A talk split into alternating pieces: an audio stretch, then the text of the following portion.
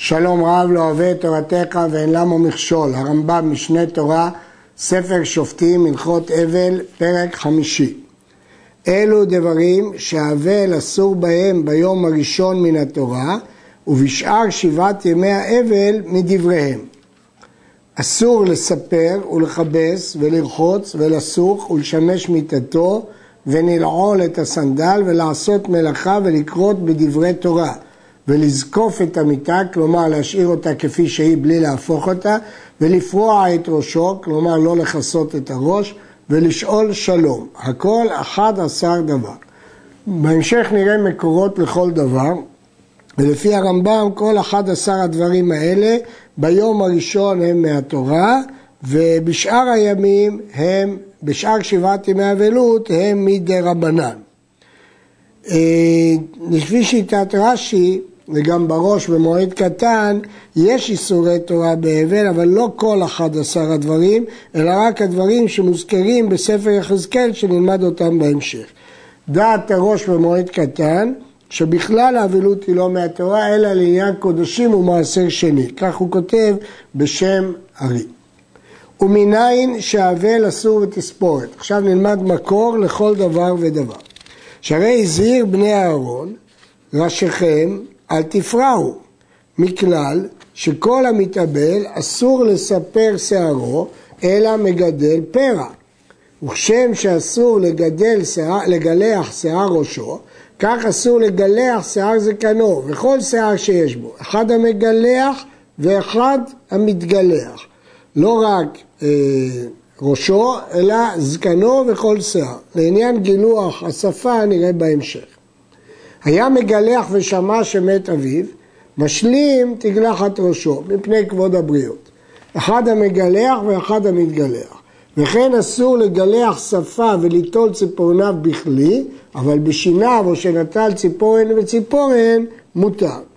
לעניין גילוח השפה, היה מעשה במועד קטן שרבי התיר לגלח את השפה המעכבת, אבל הרמב"ם לומד שזאת הלכה רק בחול המועד ולא באבלות. אבל הרמב"ן מתיר בשפה ומפריע לאכילה גם באבלות. ומניין שהאבל אסור לכבס בגדיו ולרחוץ גופו ולסוך, שנאמר בשמואל, התאבלינה ולבשינה בגדי אבל ואל תסוכי שמן. ורחיצה בכלל שיחה, כיוון שאסרו שיחה, ודאי שאסרו רחיצה, שהרחיצה קודמת לשיחה, שנאמר ורחצת וסחת. אז אם נאמר בשמואל ששיחה אסורה, בוודאי שרחיצה אסורה. וכשם שהאבל אסור בכיבוס בגדים, כך אסור ללבוש כלים לבנים חדשים ומגועצים. אם כן, לפי הרמב"ם, לבישת בגדים חדשים, אפילו לא בכיבוס, אסורה. זאת דעת רבי אלעזר ורבי שמעון במסכת מועד קטן. אסור לסוך מקצת גופו ככל גופו, גם מקצת הגוף אסור. ואם להעביר את הזוהמה, מותר. אם מטרת השיחה רק להעביר זוהמה, מותר. וכן ברחיצת מקצת גופו בחמין, גם כן אסור. אבל בצונן רוחץ פניו, ידיו ורגליו, אבל לא כל גופו. התירו לרחוץ בצונן פניו, ידיו ורגליו. מניין לאבל שאסור בתשמיש המיטה, שנאמר בספר שמואל, וינחם דוד את בת שבע אשתו, ויבוא אליה וישכב עמה. מכלל שהיה אסור מקודם. כשהם היו אבלים, היא הייתה אסורה בתשמיש המיטה, והוא היה אסור. וכן לא יישא אבל אישה, ולא תינשא האישה, אף על פי שאין משמשים מיתתם. ומותר להתייחד עם אשתו אף על פי שהוא אסור בתשמיש. הדינים האלה הובאו בברייתא במסכת מועד קטן. רק ייחוד הותר כי אין, אה, לא גזרו שהוא יבוא לשמש. מניין שהאבל אסור בנעילת הסנדל, שהרי נאמר ביחזקאל ונעליך תשים ברגליך. הורו ליחזקאל לא להתאבל, לשים נעליים, מכלל שכל העם אסורים. היה בה בדרך נועל והולך, וכשייכנס במדינה חולץ מנעליו. כזה משנה מאיר שאיסור נעילת הסנדל הוא דווקא בסנדל של עור. רמז לאבל שאסור בעשיית מלאכה, זה שנאמר והפכתי חגיכם לאבל. מה חג אסור בעשיית מלאכה? אף אבל אסור בעשיית מלאכה. הרמב"ם מדקדק וכותב שזה רמז, ולא ראיה מפורשת כמו הדוגמאות הקודמות. אף על פי שהוא אמר שזה אסור מהתורה ביום הראשון ובשאר הימים דבריהם. וכשם שהוא אסור בעשיית מלאכה, כך הוא אסור לישא וליתן בסחורה, וללך ממדינה למדינה בסחורה. כל שלושה ימים הראשונים אסור בעשיית מלאכה אפילו היה עני המתפרנס מן הצדקה. מכאן ואילך אם היה עני עושה בצנעה בתוך ביתו והאישה טובה בפלך בתוך ביתה. לשלושת הימים הראשונים של האבל יש חומרה יתרה כי חכמים אמרו שלושה ימים ראשונים לבכי.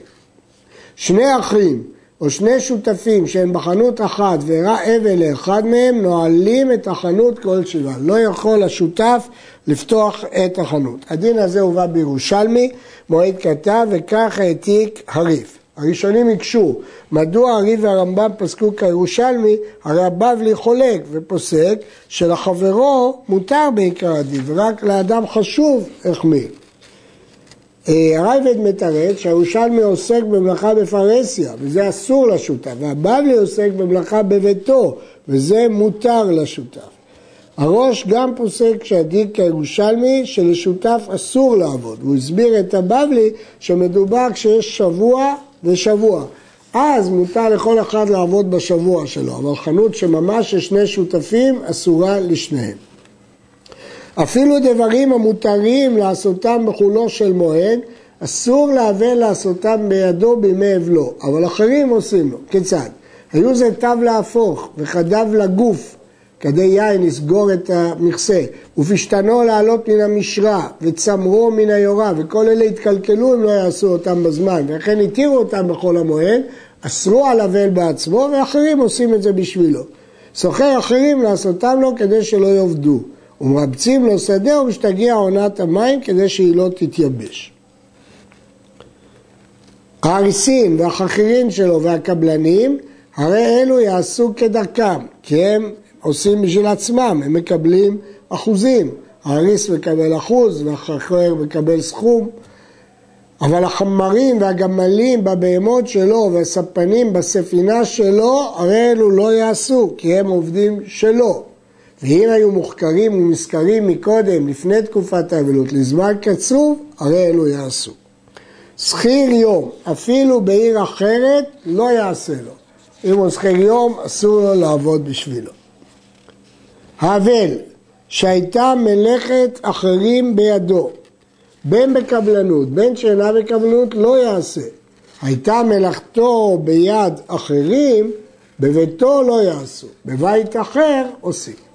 היה לו דין עם אדם, אינו תובע אותו כל שבעת ימי אבלות. ואם היה דבר אבד, עושה שליח. כזה הורו הגאונים. אם כן, החידוש של הגאונים, שעשיית דין נחשבת כמלאכה, אבל בדבר האבד ממנה מורשה. מניין שהאבל אסור בדברי תורה, שהרי נאמר ליחזקאל, הענק דום. כלומר שאסור לעסוק בתורה.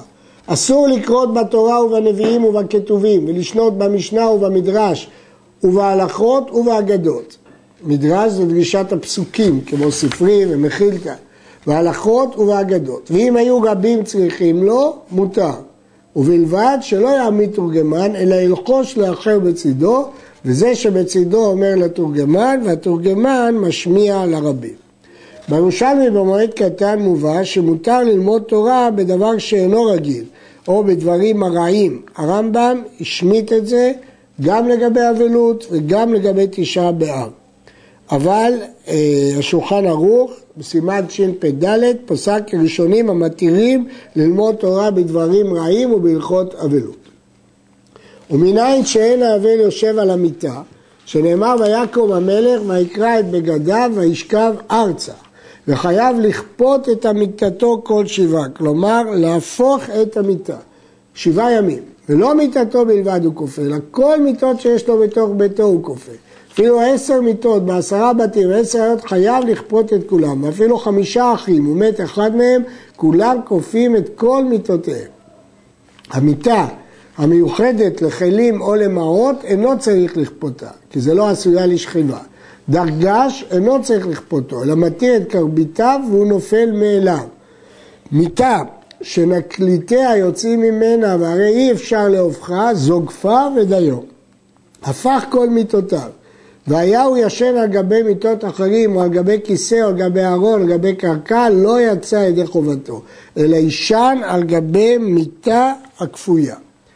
הדינים האלה של מיטה כפויה, לא נהגו אותם היום, והסבירו המפרשים כי הצורה של המיטות השתנתה. מניין לאבל שאסור בפריעת הראש? שהרי נאמר ביחזקאל ולא תעטה על שפם, מכלל ששאר האבלים חייבים בעטיפת הראש, והסודר שמכסה בו ראשו עוטה ממקצתו מעט על פיו, שנאמר ועל שפם יעטה, ותרגם אונקלוס הגר כאבלה יתעטף. מקור הדין הזה במועד קטן. הסמ"ג כתב, באלה המלכויות לא נהגו כן בעטיפת הראש, מפני שמביא לידי שחוק גדול מן הגויים ועבדים ושפחות. והבית יוסף כתב על כך שלא שמע ולא ראה מי שפטר עצמו מעטיפת הראש מפני טעם זה. הרמ"א כתב שלא נוהגים בעטיפת הראש ושאין לשנות. ומנין שהאבל אסור בשאלת שלום, שנאמר יענק דום כל שלושה ימים ראשונים שהם לבכי והם חמורים, מי שנתן לו שלום אינו מחזיר לו, אלא מודיעו שהוא אבל. ומי שלא שב ועד שבעה, מי ששאל בשלומו מחזיר לו שלום. ומשבעה ועד שלושים, שואל בשלום אחרים, אבל אחרים אין שואלים בשלומו עד לאחר שלושים יום. ועל אביו ואמו, על אמו, אין שואלים בשלומו עד לאחר 12 חודש.